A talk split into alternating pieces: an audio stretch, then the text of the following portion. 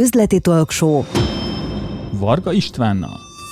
Sziasztok! Nagyon sok szeretettel köszöntelek titeket. Előre is elnézést kérek tőletek, mert itt valaki nagyon furfarag a házba. Ezt nem tudom kiküszöbölni ezt a tényezőt, de hát üdvözöljük körünkben Tarsoly Norbit. Sziasztok! Hadd meséljek eh, nektek egy picit arról, hogy én Norbit honnan ismerem meg. Hát most már szerintem több mint tíz éve ismerjük egymást, és mi üzleti klubban találkoztunk, Igen. és te akkor a DLS színeiben, mint marketing vezető ténykedtél, és én nagyon felfigyeltem arra, mert sokat meséltél arról, hogy sokszoros eh, szuper brand, eh, brand díjas lett a, a DLS, és beszélgettünk arról, hogy ezt hogyan sikerült elérni, miket csinálsz egyébként, és hogyan csinálsz, és viszonylag alacsony költségvetésből te miket szokták kihozni. És nekem nagyon tetszik, ahogy te megközelíted a, a, a marketing kérdését, és miután a DAS-től kicsit kijebb kerültél, elkezdtél saját vállalkozást építeni, ahol meg kifejezetten a ügyfél élmény, ügyfélérték és az ügyfél életút tervezés az, amivel foglalkozol, és szerintem ez egy mindannyiunkat érintő kérdés vállalkozás szempontjából. De kezdjünk onnan, hogy DAS előtt egyébként te onnan jöttél, mit csináltál, mivel vagy így, mivel voltál így elfoglalva? Hú, hát nekem, nekem elég, eléggé összetett volt az életem, és eléggé változatos. Eredetileg semmi közöm nem volt igazából se a marketinghez, se az ügyfelekhez, és én ezt így is terveztem, hogy jól van ez így igazából, nem akarok én az ügyfelekkel foglalkozni, nem akarok én emberekkel foglalkozni, én állattenyésztést tanultam, ezt viszonylag kevesen komoly. tudják rólam.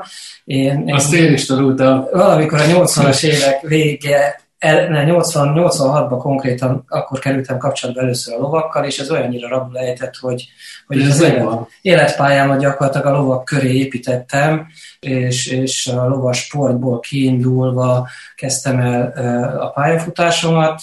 Aztán végülis a bátyám beszélt rá, hogy jó lenne azért, ha egy egyetemet is elvégeznék, mert szép dolog ez a lovas sport, meg a lovaglás, azért mégis legyen valami haszna tudásnak, úgyhogy én akkor már viszonylag tudatosan közgazdaság irányba mozdultam, és, és közgazdászként, agrárközgazdászként végeztem az egyetemen, és nagyjából itt le is zárult a mezőgazdasággal kapcsolatos pályafutásom, ugyanis egy, egy, egy szerencsétlen lovas balesetnek következ, köszönhetően örökre el kellett búcsúzzak így a, a lovasporttól és, és a mezőgazdaságtól, és én akkor kerültem ki Németországba egy pályázat ott nyertem el a, a Német Akadémiának a pályázatát, és ezzel mint cserediák tanultam egy évet egy Német Közgazdasági Egyetemen, és ott végeztem egy nemzetközi marketing szakon.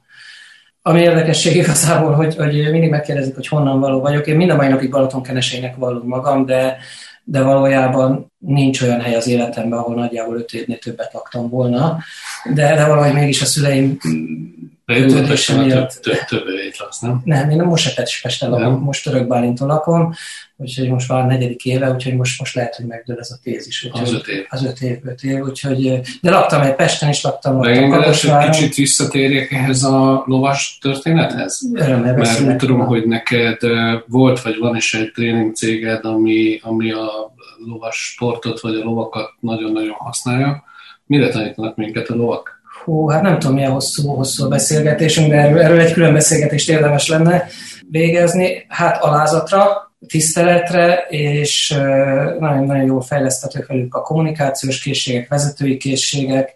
Így is egyébként 2014-15-ben kezdtünk el foglalkozni lovas készségfejlesztéssel, és lovak bevonásával, a lovakat tréning társul hívva tanítottunk vezetőket, a vezetői készségeiknek a, a csiszolására, illetve kommunikációs technikákat tanítottunk, asszertív kommunikációt, konfliktuskezelést lovak bevonásával. Nagy Ez tanítanás. az ilyen suttogó technika, vagy ez teljesen eltérő ettől? Ö, Hát ha ezt most az én társam, a Roli, Roli barátom hallaná, akkor valószínűleg kivetné magát az ablakon. Tarkó meg nem. Igen, igen, ez a suttogó, de, de én meg azt szoktam mondani nekik, marketingesként azt szoktam mondani nekik, hogy innen ismerik az emberek, igen, ez a suttogó Aha. technika valójában, ami egyébként semmi köze nincs a suttogáshoz, az értő kommunikációhoz, a nyílt egyértelmű üzenetekhez van köze, ami egyébként meg kellene, hogy határozza mindennapi életünket is. Mondjuk ez a marketing szempontjából is nagyon fontos. Így van, így van. Figyelj! Ügyfél élmény. Honnan kezdjük? Ügyfélélmény, ügyfélérték, ügyféléletút tervezés. Mi a, mi a sorrend? Én azt gondolom, hogy ha az ügyfél élményt megvilágítjuk, akkor, akkor közelebb kerülünk az összes többihez, bárhonnan kezdhetjük igazából.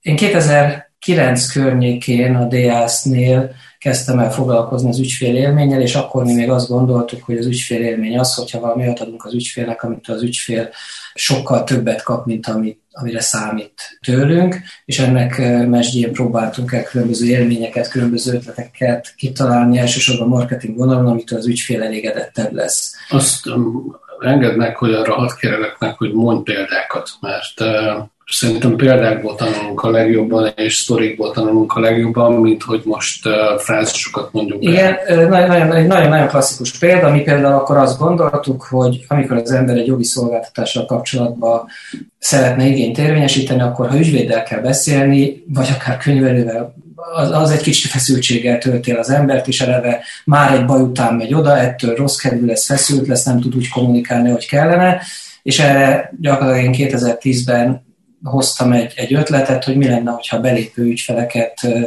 nem úgy, mint egy biztosítónál recepció fogadva, tovább irányítva köszöntenénk, hanem a köszöntés után megkérdeznek, hogy kérnek egy kávét, egy kultúrát előtérbe, egy fotelbe helyet foglaltattuk őket, voltak itt magazinok, tehát egy kicsit próbáltuk oldani azt a fajta feszültséget, ami egy ilyen állapotban van. Erre egyébként nagyon jó visszajelzést kaptunk, és információim szerint mind a mai napig egyébként ez egy működő dolog a DS-nél, tehát minden vendég, aki beérkezik, az kávéval, teával, üdítővel van megkínálva, és, és és hát remélhetőleg ez hat ahhoz, hogy egy kicsit oldottabban menjen bele egy olyan beszélgetésbe, ami hát ez azt is jelenti, hogy ha bemegyek, akkor reklamálhatok, ha nem kapok.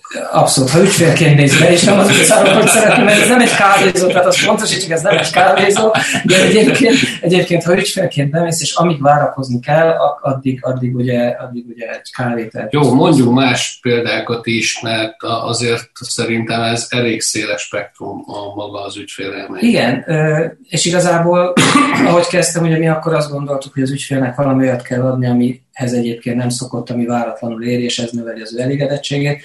Azóta már tudom és tudjuk, hogy az ügyfél élmény valójában nem ezt jelenti, sokkal inkább azt jelenti, hogy az ügyfél egy jó minőségű kiszolgálást kap, és legalább azt kapja, amire számít, és lehetőség szerint. Tehát az ügyfél élmény lényegében nem más, mint a, a cégről alkotott bármifajta képnek az érzelmi lenyomata, tehát ez nem, nem, nem az élményfogalom abban az értelemben, hogy valami felemelő, boldogságos és, és, és jó hangulat, hanem élmény abban a, az értelemben, hogy egy jó minőségű szolgáltatást kap valaki.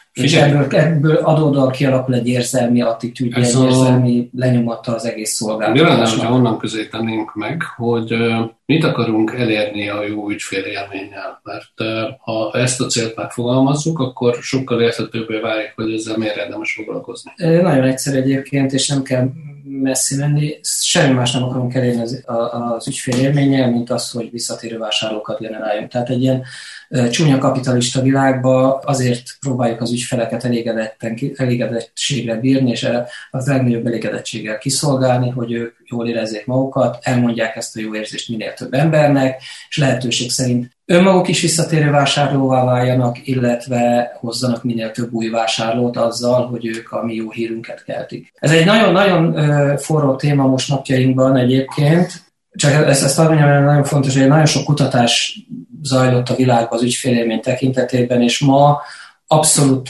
az egyik fő fókusz. Tehát azt prognosztizálják, hogy a következő években nem, a, nem az árverseny lesz a meghatározó, nem a termékek minősége, sokkal inkább a termékekhez kapcsolódó, a szolgáltatásokhoz kapcsolódó ügyfél élmény. Ássunk egy picit mélyebbre. Menjünk mélyebb. A, a, arra gondolok, hogy a, mindenki még az is, aki nem vallja be, érzelmi alapon döntünk. Érzelmi alapon hozunk döntéseket, akár üzletileg, akár magánéletben. Na most ezen érzelmeket ki lehet váltani bizonyos módszerekkel, vagy figyelemmel, vagy odafigyeléssel, kedvességgel, Igen. apróságokkal, amire, hogyha ha hangsúlyt fektetünk, akkor elkezdünk sokkal inkább vonzóbbak lenni az ügyfeleink Igen. számára. Igen. Tehát az ügyfél élmény okozásának a valódi oka akkor az, vagy a valódi célja az az, hogy hogy olyan maradandó érzéseket generáljunk az ügyfeleinkbe, amik utána visszatérítik hozzánk, és kvázi az elsőrendű választás legyünk számukra, mert van egy érzelmi szál, ami kötődik. Sőt, sőt ennél mélyebbre is mehetünk, mert, és akkor itt jön be az ügyfél életút tervezés, az ügyfél élmény tervezés kapcsán, hogy el se kell jusson odáig az ügyfél, hogy visszatérő vásárlóvá váljon, hiszen ha, ha mi megtervezzük teljesen tudatosan az ügyfél életutat, akkor mi pontosan meg tudjuk azt határozni, hogy az ügyfél hol, milyen érintkezési pontokon kerülhet velünk kapcsolatba, akár már akkor, amikor még ő valójában nem is az ügyfelünk, még bizonyos szinten nem is fontolgatja azt, hogy ő tőlünk vásároljon. Erre mondok én egy, egy nagyon egyszerű példát, és, és ez talán, talán azért lesz érdekes, mert, mert például ebben az iparágban nagyon nagy változások mentek végbe az utóbbi egy évbe, és ez pedig a turizmus. Amikor az ember egy utat megrendel, reméljük erre hamarosan sor kerül, hogy, megrendelhet egy utat, akkor ő már egy döntési fázisban van, akkor ez a te általad már említett érzelmi lenyomat megvan, ő már eldöntötte, hogy valamit ettől vagy az utazási irodától vásárol. És amikor ezt kiszolgálja az utazási iroda, és egyébként megfelelő színvonalon kiszolgálja, további addicionális előnyöket biztosít, akkor kialakul az ügyfélben egy jó érzés, amikor hazajön, akkor elmondja a barátainak, hogy ő ezzel az utazási irodával utazott, ilyen élményei voltak, és elkezd kötődni, és amikor a következő útját tervezi, akkor ösztönösen ehhez az utazási irodához fog fordulni. Ez, ez, ez egy jó ügyfélélmény. De mi történik akkor, amikor ő még nem tervezi az utazást. Vegyük a mostani helyzetet, hogy azért mindannyian az emlékeinkből élünk, és mindannyian azon gondolkozunk, hogy de jó lenne utazni, előkerülnek a régi fényképek, elkezdünk szörfözni a neten, ha lehetne utazni, milyen úti célt válasszunk, megnézzük a különböző destinációkat, és, és önkéntelenül is tudat is találkozunk olyan szolgáltatókkal, akik egyébként ezt az élményt számunkra majd biztosítani fogják.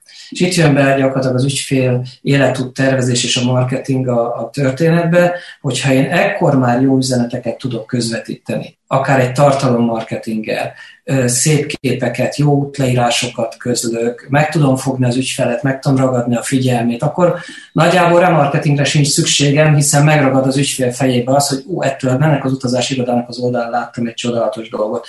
Majd megy tovább, hiszen ebben a fázisban, az életútjának ebben a fázisában még nem alakult ki a vásárlási szándék, még nem alakult ki a döntés, ő egyelőre csak szörfözik, kicsit tájékozódik. Majd amikor elkezd mélyebben tájékozódni, akkor megint van egy érintkezési pontom, hiszen akkor már elkezdi elolvasni az én, LDM-jeimet, elkezdi megnézni jobban a Facebook oldalamat, és szépen lassan, ha én ezt tudatosan megtervezem az ügyfél kapcsolataimat, és itt azért nagyon fontos, hogy hogy ügyfél kapcsolatokról beszélünk, mert bár valós vásárlás nincs mögötte, de én már kapcsolatban vagyok az ügyféllel az interneten, kapcsolatban vagyok egy plakát segítségével, stb. stb. Ha ügyesen csinálom, akkor én már ebben a fázisban tudok egy olyan élményt nyújtani, aminek kapcsán eljutok oda, hogy ha lehet egyszer utazni és elutazhatunk, akkor az ügyfél az én weboldalamat fogja megkeresni és felkeresni, és tőlem vásárol. Na mondja el a trükköket. Hát e, ennek az alapja gyakorlatilag az, éle, az ügyfél életút tervezés, hogy, és ez, ez sokan egyébként a nagyok játékszerének, meg a multiknak a gondolkodását e, e, hozzák be. Én nekem meggyőződésem az, hogy, hogy ezt ugyanúgy egy, egy KKV ugyanúgy meg tudja csinálni, hiszen semmi másról nem szól, nagyon egyszerű trükk, leülök és végig gondolom, hogy ha én vásárló lennék, mit tennék. Mi az én célom, mi az én tervem, milyen interakcióim vannak, kiktől kérek esetleg visszajelzéseket, hol keresgélek, melyik csatornákon olvasok, milyen tévét nézek, stb. stb. És amikor ezeket szépen le tudom modellezni, akkor, akkor ebből meg tudom azt határozni, hogy hol, mikor, milyen csatornán érdemes. Tehát akkor először azon kell elgondolkodni, hogy hol találkozhat az én témakörömmel az ügyfél. Hát ez a nulladik lépés. De ez a marketing alapja is egyébként, ugye egy kicsit nekem így, így marketingesként is fájó pont az, hogy mind a mai napig akármilyen konferenciára, akármilyen üzleti találkozóra vagy online meetingre elmegyek, ott mindig, ha marketing van, akkor, akkor egyből a Google, Facebook, SEO és egyebek jönnek elő. Én hiszem azt, hogy, hogy ezt meg kell, hogy előzze egy tudatos tervezés, egy tudatos ügyfélközpontú gondolkodás. Ugye a világ változik, és igazából az egésznek ez az alapja, hogy hihetetlen mód felgyorsult az életünk, rengeteg lehetősége van az ügyfélnek ahhoz, hogy, hogy, hogy megtalálja számára megfelelő dolgot, és ennek, ennek, ennek eredőjeként hagyományos gondolkodásmóddal én hiszem, hogy már nem lehet nagy eredményeket elérni. De egyébként itt akkor, ha jól értelmezem, illetve tovább gördítem a fonalat, akkor mindenképpen kell egy, egy okos piackutatás, ahol megkérdezek vagy meglévő, vagy potenciális ügyfeleket, hogy hol találkoznak ezzel a témakörrel, mi a kihívásuk, mi a problémájuk, mi fáj, mi az, ami, amivel elégedetlenek, vagy egyáltalán hol keresnek, ilyenekről van szó? Vagy milyen, én, én nagyon köszönöm, hogy ezt előhoztad egyébként, mert, mert ez a design gondolkodás alapja, hogy a tervezői gondolkodás alapja, hogy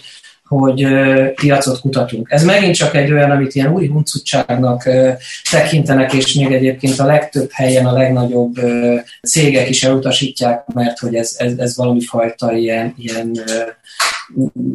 extra dolog. Én azt gondolom, hogy piacot kutatni ma már számos eszközzel nagyon egyszerűen is lehet. Nyilván a legjobb az, amikor szakemberhez fordulunk, és nem csak a piacot kutatja le, de ért is az összefüggéseket mögötte, de egy egyszerű, egyszerű Google keresés, egy egyszerű Facebook analitika is nagyon sokat segíthet abban, hogy nagyjából meg tudjam határozni azt, hogy ki az én célcsoportom és mit keres nálam.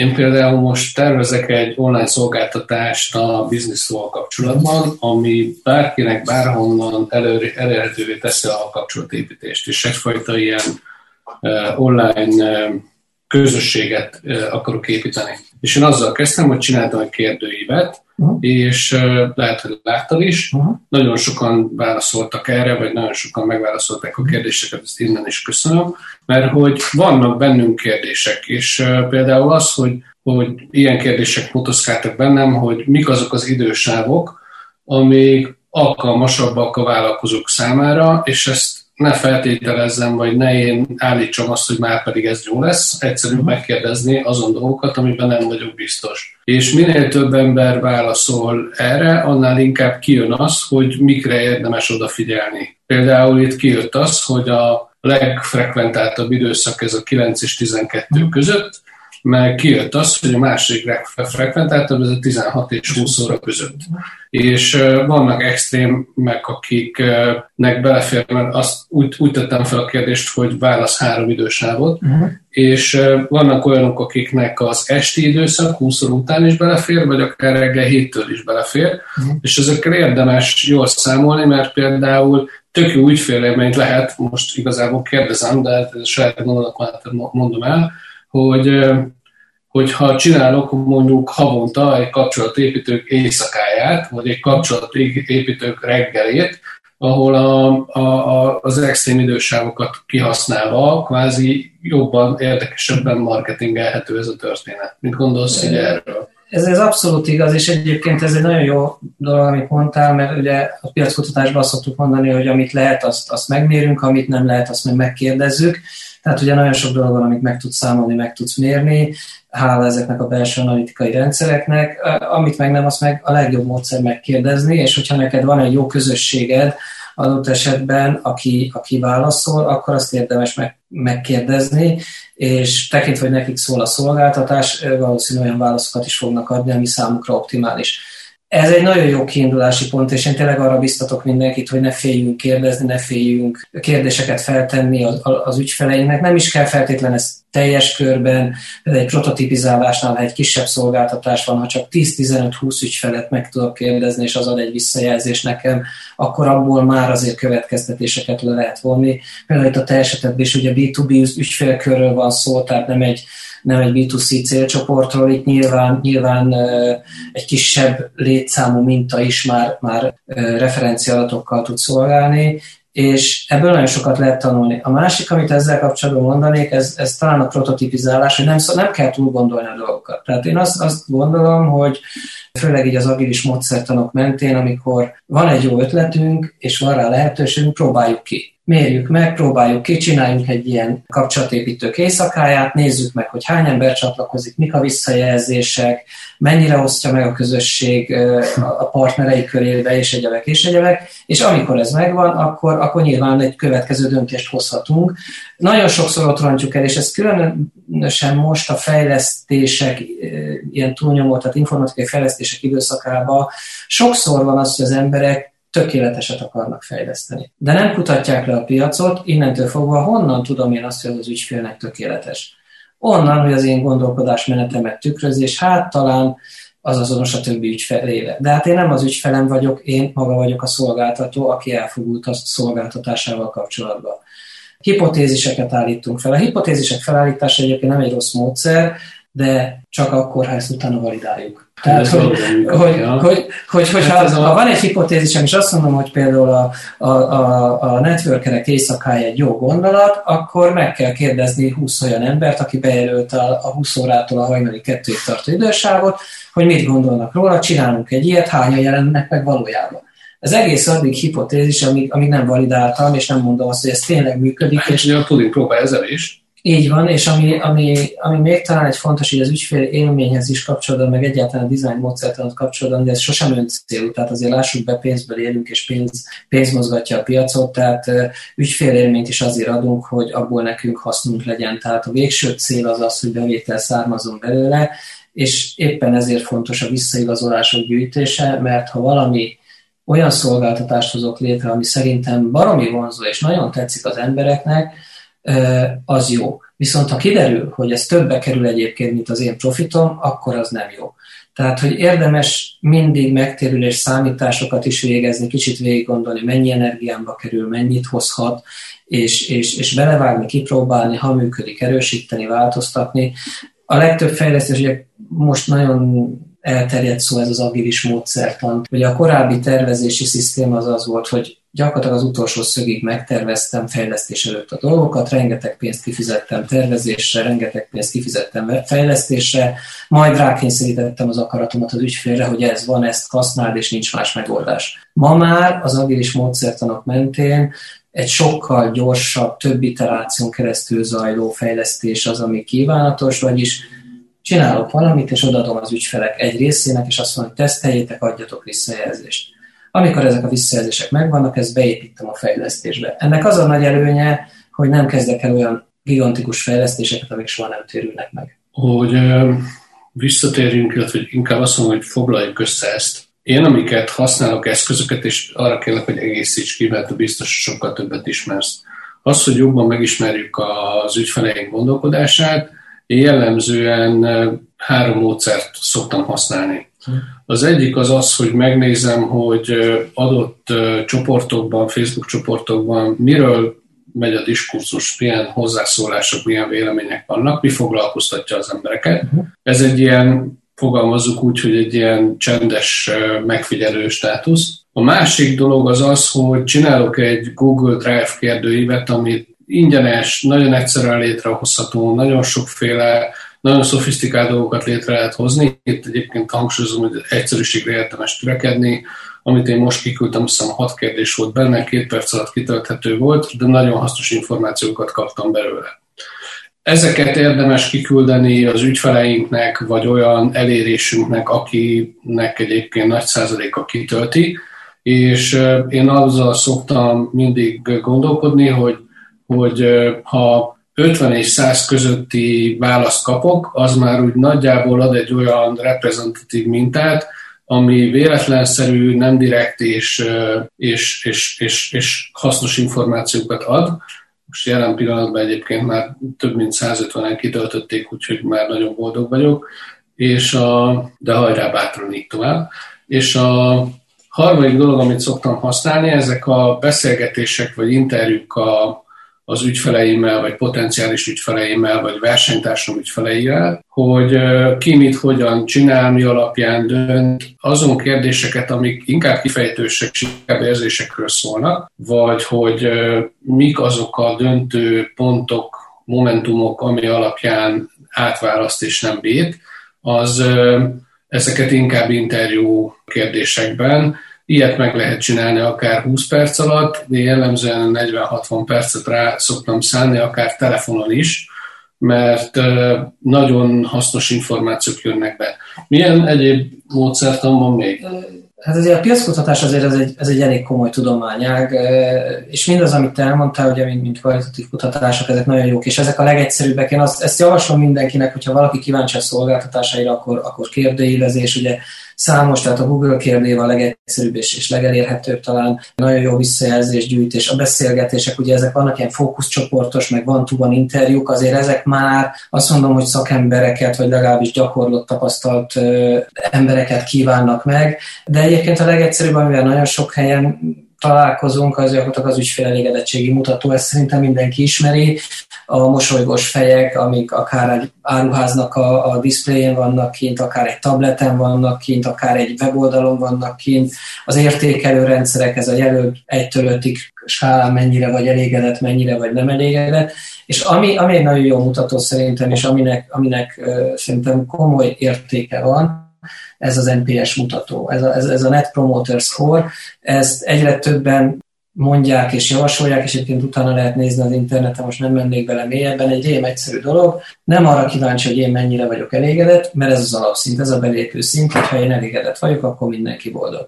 De amikor én azt a kérdést teszem fel neked, hogy egy 1-től 10 skálán mennyire ajánlanál te engem az ügyfeleidnek? Az már egy sokkal mélyebb szint, hiszen ott már bejön a te szerepet, hogy te vajon mennyire azonosulsz az én szolgáltatásommal, mennyire azonosulsz az én értékrendemmel, mennyire szívesen vállalod fel, hogy te egy kicsit a, az én márkám arca leszel. És amikor abból kijön egy tízes szám, azért az egy, az egy, az egy nagyon Ezzel kicsit belekapaszkodok, mert ez igazából szájmarketingről szól, ami a leghatékonyabb marketing. Tehát az, hogy mennyien beszélnek rólunk pozitívan, mennyien ajánlanak minket, mennyien adják át a névjegyünket, stb. Ez, ez erről szól. Így, És ez, ez működik egyébként egy egyéni vállalkozónál is, ugyanolyan hatékonyan, meg működik akár egy nagyvállalatnál. És egy rövid sztori, hogy a, a, én, ez az NPS mutató, ez a Net Promoter Score-ral ezzel foglalkoztam én is, és néztem rá példákat, és az egyik nagyon izgalmas példa, ez, a, ez az Apple-nek a sztoria, hogy azt hiszem talán 97 nyarán majdnem csődbe ment, majd visszahívták Jobsot, és az alapvetően három dologhoz nyújt hozzá. De szinte mind a három arról szólt, hogy hogyan ajánlják tovább a, a céget. Az egyik az az volt, hogy drasztikusan levágta a portfóliónak a 80%-át, és csak a, azokat a termékeket tartotta meg, amiben abszolút versenyen tudott képíteni.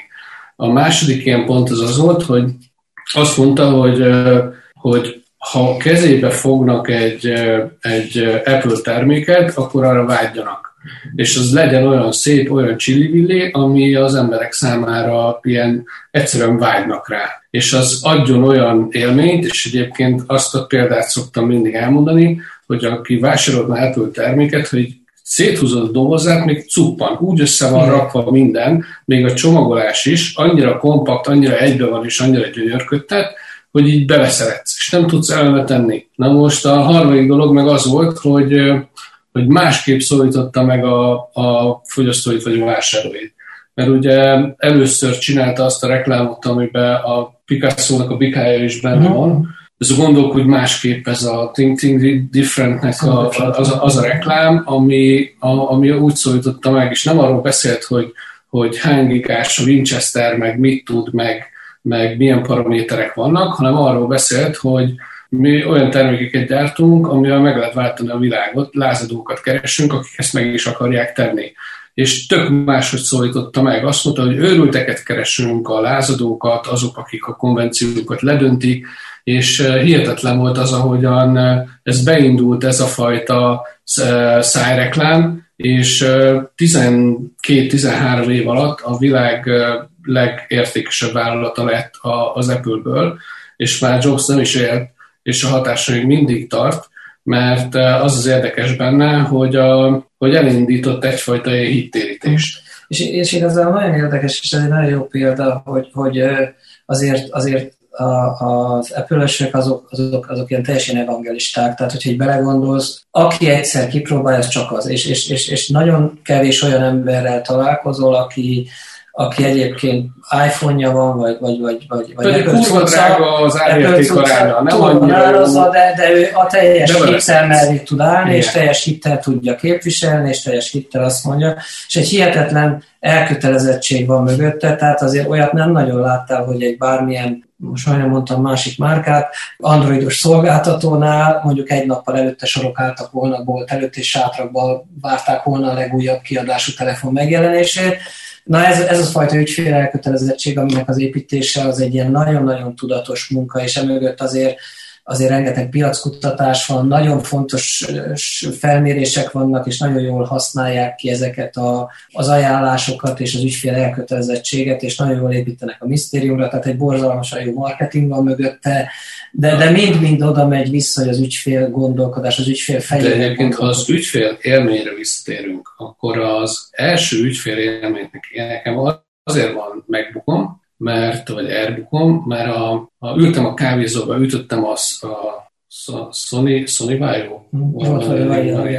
Azt hiszem ilyen gépen uh-huh. volt, és így ült velem szembe valaki, és világított rám az alma. És egyébként ha azt tudtad, hogy az Apple-nél világított rá először az alma, és nem az, hogy idegesített, hanem nyilván feltűnő volt, és elkezdtem nézni, és, és ú, nagyon jó az a gép, és nekem is kell ilyen. És a, én nem az iPhone-ba szerettem bele, hanem a, a világító almába velem mm-hmm. szembe, és az idegesített, hogy nekem nincs. Nincs, ezt mondom, hogy az idegesítő. És, és ez is egyfajta ügyfélélmény, hogy elkezdünk valamire vágyni. Mert akár indirekt módon is ki tudunk váltani, akár az öltözködésünkkel, az irodánkkal, a megjelenésünkkel, nagyon sokféle dolgot, az emberekből, ami alapján kialakul rólad, a vállalkozásodról egy kép, hogy téged hol sorolnak a koordinátorrendszerben. Üzleti talkshow. Varga Istvánnal.